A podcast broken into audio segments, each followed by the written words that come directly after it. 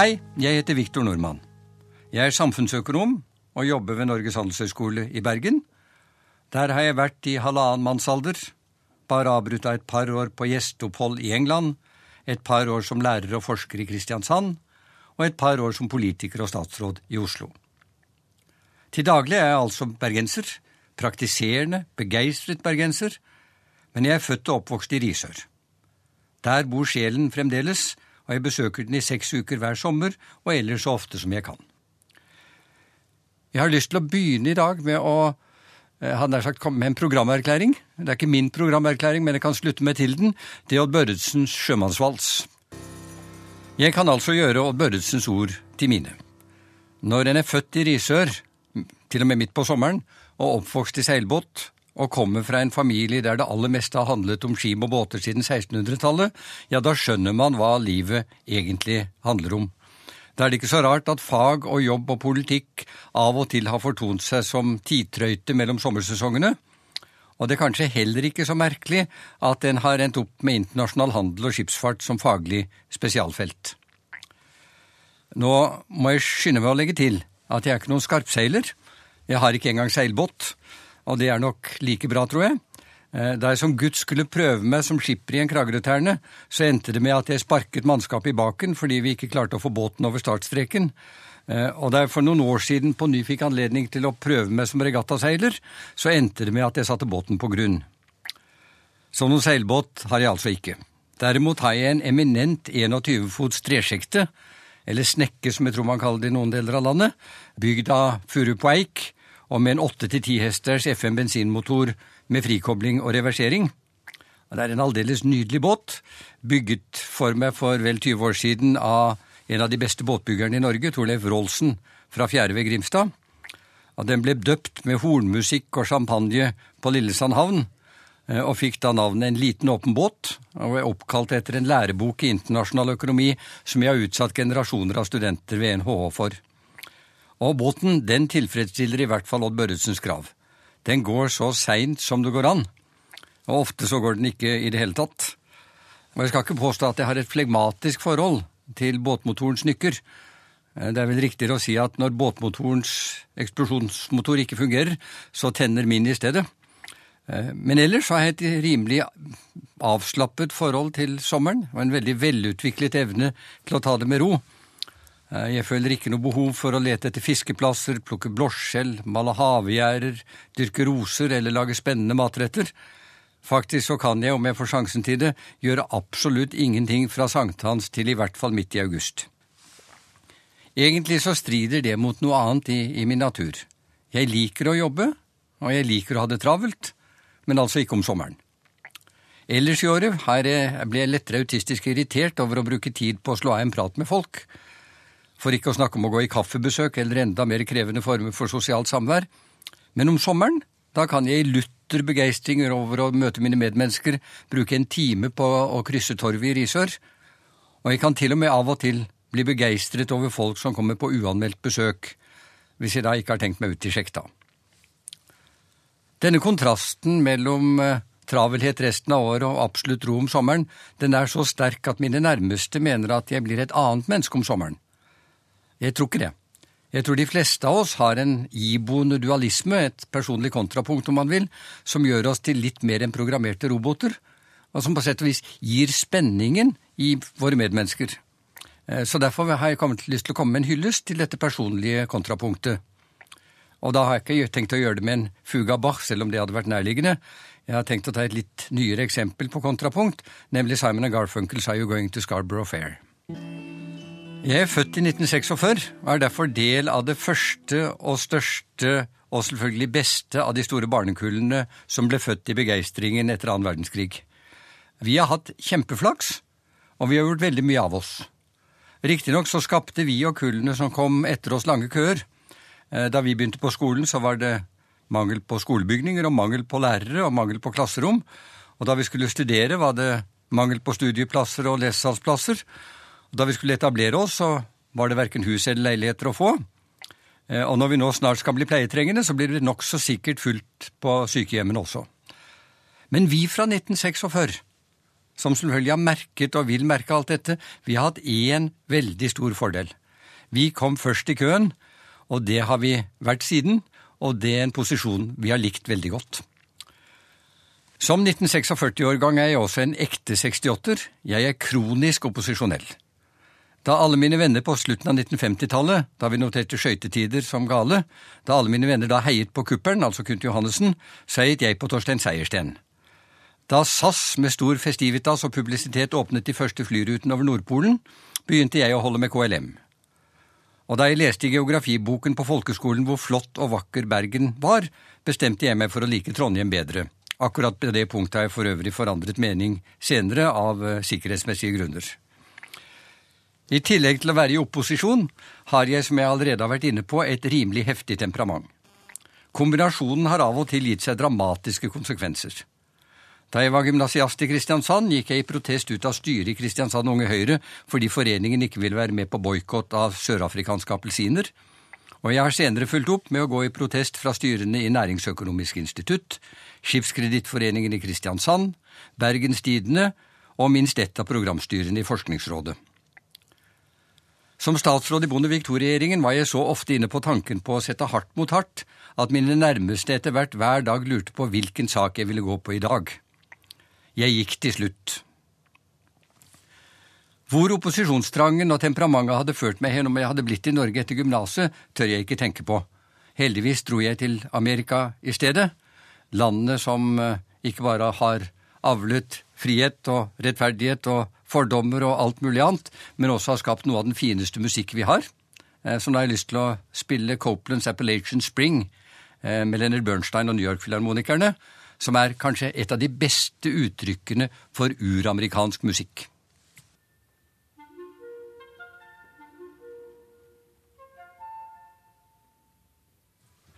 Du hører på Sommer i P2. Jeg heter Viktor Nordmann, og jeg er nå på vei til Amerika. For nokså nøyaktig 50 år siden fikk jeg et Rotary-stipend for å studere et år i Porterville, en liten by mellom Fresno og Bakersfield midt i San Joaquin Valley, den delen av California som John Steinbeck beskriver i Vredens druer. Det var lite ved det stedet som minnet om det moderne, glamorøse California. Der var ingen studentopprørere, ingen beachparties, ingen hippe datagründere. For det meste var det konservative appelsinfarmere og like konservative, pliktoppfyllende studenter som hver dag sverget troskap til det amerikanske flagget, og på, som på lørdager enten spilte fotball eller var cheerleaders, og som etterpå har satt seg i biler og dragged Main Street. Til tross for dette ble Porterville min amerikanske vår. Selv det konservative Porterville var mindre ensartet og ensrettet enn det sosialdemokratiske Norge var tidlig på 1960-tallet og jeg ble kjent med en rekke nysgjerrige og forbløffende fritt tenkende mennesker. En eldre appelsinfarmer som hadde vært på en av de første ekspedisjonene til det indre av Ny-Guinea, en tilnærmet anarkist fra Singapore, en fløytist som var kritisk til det meste her i verden bortsett fra Telemann, en svensk-amerikansk rådmann som forsøkte å prakke på meg sin fraskilte søster, en kvinnelig mormonsk student som la hele sin sjel, men dessverre ikke noe mer, i forsøk på å omvende meg, en iraner med den mest smittende latter jeg noensinne har opplevd, og en italiensk pike som trillet meg rundt lillefingeren. Det som gjorde sterkest inntrykk, var åpenheten. I dette konservative, lille samfunnet, som vi i dag vil assosiere med Tea Party-bevegelsen, og hvor de da også har en lokalavdeling av tedrikkere, der ble jeg, sammen med mine venner fra Singapore og Iran, invitert til å holde foredrag i en konservativ forsamling om hvordan vi egentlig så på Amerika. Oppildnet av anarkisten fra Singapore laget vi det som nokså sikkert var den første, og kanskje også den siste, Vietnamkritiske forestillingen i Porterville, og vi avsluttet med å spille Tom Lehrers Send Marines. Mottagelsen var mer imponerende enn presentasjonen. Vi fikk til og med applaus. Det var mer enn jeg fikk da jeg 40 år senere som statsråd i Bondevik II-regjeringen holdt tale for Norsk tjenestemannslag. Da ble jeg etterpå karakterisert som medlem av B-gjengen, Borgerlig blårus fra Bergen. Punktum. Oppholdet i California ga mersmak. Så da jeg året etter skulle begynne å studere for alvor, og fikk svar fra NHH om at jeg ikke kunne regne med å komme inn der uten praksis, bestemte jeg meg for å søke på universiteter i USA i stedet. Jeg hadde skikkelig flaks og kom inn på noen av de beste stedene i verden, først Yale og så MIT, og kom ut i den andre enden som skolert, noen vil kanskje si hjernevasket, økonom. Og det har jeg vært siden. Økonomisk analyse er et sylskapt verktøy som i riktige hender kan brukes til å ta livet av de fleste ideer og forslag folk måtte komme opp med. Den som har opplevd Finansdepartementet i aksjon på regjeringens årlige budsjettkonferanse, vet hva jeg snakker om. Ingen fagstatsråd går uskadet fra møtet, noen skal ha brutt ut i gråt, og jeg har til og med opplevd en som ikke engang orket å reise seg da konferansen var slutt. Han ville nok kjenne seg igjen i følgende Fats Waller-melodi. Det som gjør økonomisk analyse til et så skarpt verktøy, er det som kalles alternativtenkning. For at et forslag skal passere det økonomiske nåløyet, er det ikke nok at forslaget er godt. Det må også være bedre enn alle alternative måter å oppnå det samme på. Og siden en god økonom alltid kan komme opp med et hav av alternativer, er løpet kjørt for de fleste som prøver seg. Nå er ikke økonomisk teori bare et skarpt verktøy. Det er også et vakkert byggverk. Det er så vakkert byggverk at Gudmund Hernes for en del år siden sammenlignet med en middelalderkatedral. Jeg er ikke sikker på at det var vennskapelig ment, men det er ikke sånn ueffen sammenligning i seg selv, men selv tror jeg heller ville ha sammenlignet det med en symfoni. I sin enkleste, reneste form beskriver økonomisk teori samspillet mellom alle personer og bedrifter i en markedsøkonomi, bygget opp fra teori om hvordan hver enkelt av oss opptrer. Som forbrukere, som arbeidstagere, som bedriftseiere, eller hva vi nå måtte være. Og så lenge teorien er riktig, altså så lenge vi opptrer sånn som teorien forutsetter, og så lenge markedene virker perfekt, blir resultatet like formfullendt som en klassisk symfoni av Hayden på sitt beste. Du hører på Sommer i P2. Jeg heter Viktor Nordmann. Jeg har nettopp snakket om markedssystemets fortreffelighet og illustrert det ved ansatsen av Klokkesymfonien av Josef Hayden. Og heldigvis er det sånn at verden er av og til litt mer komplisert enn det Hayden viser i sin symfoni, og det tradisjonell økonomisk teori viser. For de av oss som livnærer oss og utvikler økonomisk teori, virker markedene heldigvis ikke alltid perfekt, og det er heller ikke sånn at enkelte opptrer så rasjonelt som teorien forutsetter. Så moderne økonomisk teori ligner nok av og til mer på Schönberg enn på Heiden. Allikevel er denne grunnteorien om et, en velfungerende markedsøkonomi et viktig utgangspunkt på flere måter hvis man ønsker å forstå verden. Først og fremst er økonomisk teori viktig fordi den forklarer noe som egentlig er et stort paradoks, nemlig at verdensøkonomien fungerer i det hele tatt. Det burde være helt umulig å få et økonomisk maskineri som omfatter seks milliarder mennesker, millioner av bedrifter, hundretusener av varer og tjenester, hvert med sitt eget marked, og som ligger i 200 forskjellige land, det burde være umulig å få et slikt maskineri til å tikke og gå uten en eller annen sentral instans som sørget for at det skjedde, eller i det minste med en maskinsjef som gikk rundt og passet på og av og til sørget for å smøre maskineriet. Og så gjør den altså det. Den fungerer. Mens vi andre har problemer med å organisere fire personers i en familie, så tikker og går verdensøkonomien hver eneste dag, og på toppen av det hele er den en skikkelig suksesshistorie i hvert fall de siste 500 årene. Frem til 1500-tallet handlet verdenshistorien stort sett om en liten overklasse som levde i vekslende velstand, og om en rest folk flest som stort sett levde på eksistensminimum. Av og til ble de så mange at de havnet under den absolutte fattigdomsgrensen. Da ordnet naturen opp i form av sult og smittsomme sykdommer, til det ikke ble flere igjen enn at de så vidt kunne klare seg. Så plutselig begynte det å skje noe. For første gang i verdenshistorien klarte folk flest, eller i hvert fall langt flere enn overklassen, å skaffe seg et levebrød som ga plass til mer enn det absolutt nødvendige. Det begynte i Holland på 1500-tallet, fortsatte med den industrielle revolusjonen i England et par hundre år senere, og har siden spredt seg til stadig større deler av kloden. De økonomiske eventyrene i Sørøst-Asia og Kina er foreløpig den nyeste, men forhåpentligvis og sannsynligvis ikke de siste i denne karusellen. Jacques Brels karusell med Alice Whitfield illustrerer verdensøkonomien på mange måter. Jeg skal ikke trette dere med mange tall, men jeg må nevne noen få. De siste 200 årene er det gjennomsnittlige inntektsnivået i verden blitt tidoblet. La meg gjenta. Inntektsnivået i verden, altså ikke i den rike del av verden, men i hele verden, er blitt tidoblet. Det ble fordoblet i hundreåret fra napoleonskrigene til første verdenskrig. Så ble det fordoblet igjen på 50 år fra første verdenskrig til Kennedy ble valgt til president i 1960, og så har det vokst med ytterligere 150% fra 1960 til i dag. Veksten har ikke vært rettferdig fordelt. Vi i den rike delen har forsynt oss med mest. Den sterkeste prosentvise veksten har vært i Kina og India. Men selv i de deler av verden der veksten har vært minst, har det for de fleste lands vedkommende vært vekst i levestandarden. Denne underliggende suksesshistorien har lett for å drukne i alle de dagsaktuelle problemene som fyller nyhetsmediene, og det er forståelig. Det er mager trøst for arbeidsløse i Vest-Europa og nyfattige i Hellas at det har vært økonomisk vekst i verden i 500 år. Det hjelper lite for innbyggerne i Zimbabwe at andre afrikanske land vokser. Og det gjør lite inntrykk på de ufaglærte i USA, som de siste ti årene har opplevd stadig lavere reallønn, at andre amerikanere har hatt fortsatt økonomisk vekst. Verden er full av alvorlige problemer. Slike problemer, og alle de andre problemene som verdensøkonomien sliter med, ikke minst klimaproblemet, som burde oppta oss mer enn noe annet problem, gjør at det er all grunn til ikke å overlate verdensøkonomien helt til seg selv.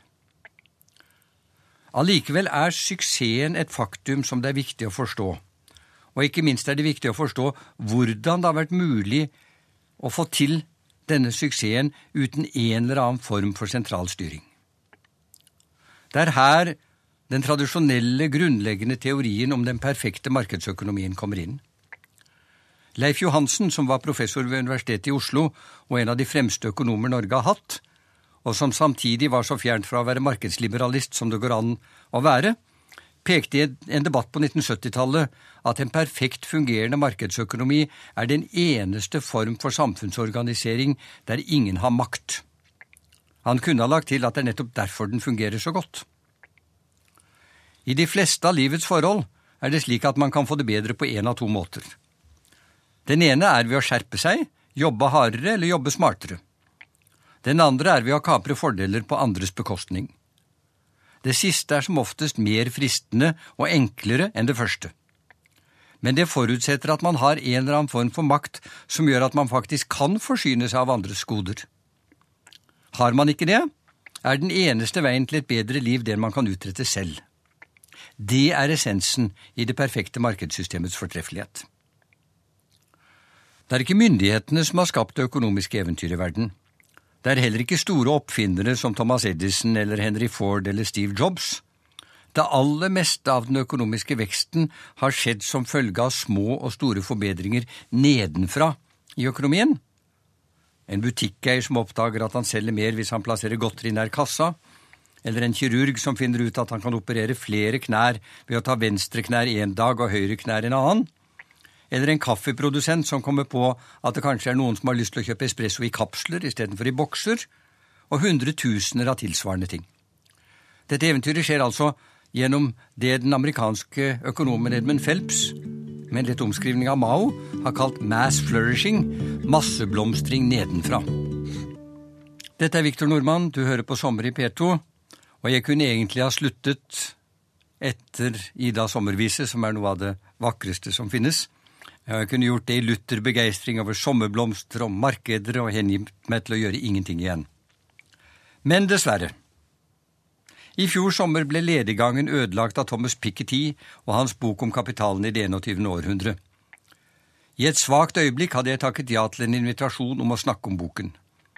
Siden alle jeg kjente var begeistret for den, var jeg selvfølgelig imot boken og imot budskapet. Problemet var bare at jeg ikke hadde lest den. Med det røyk sommeren.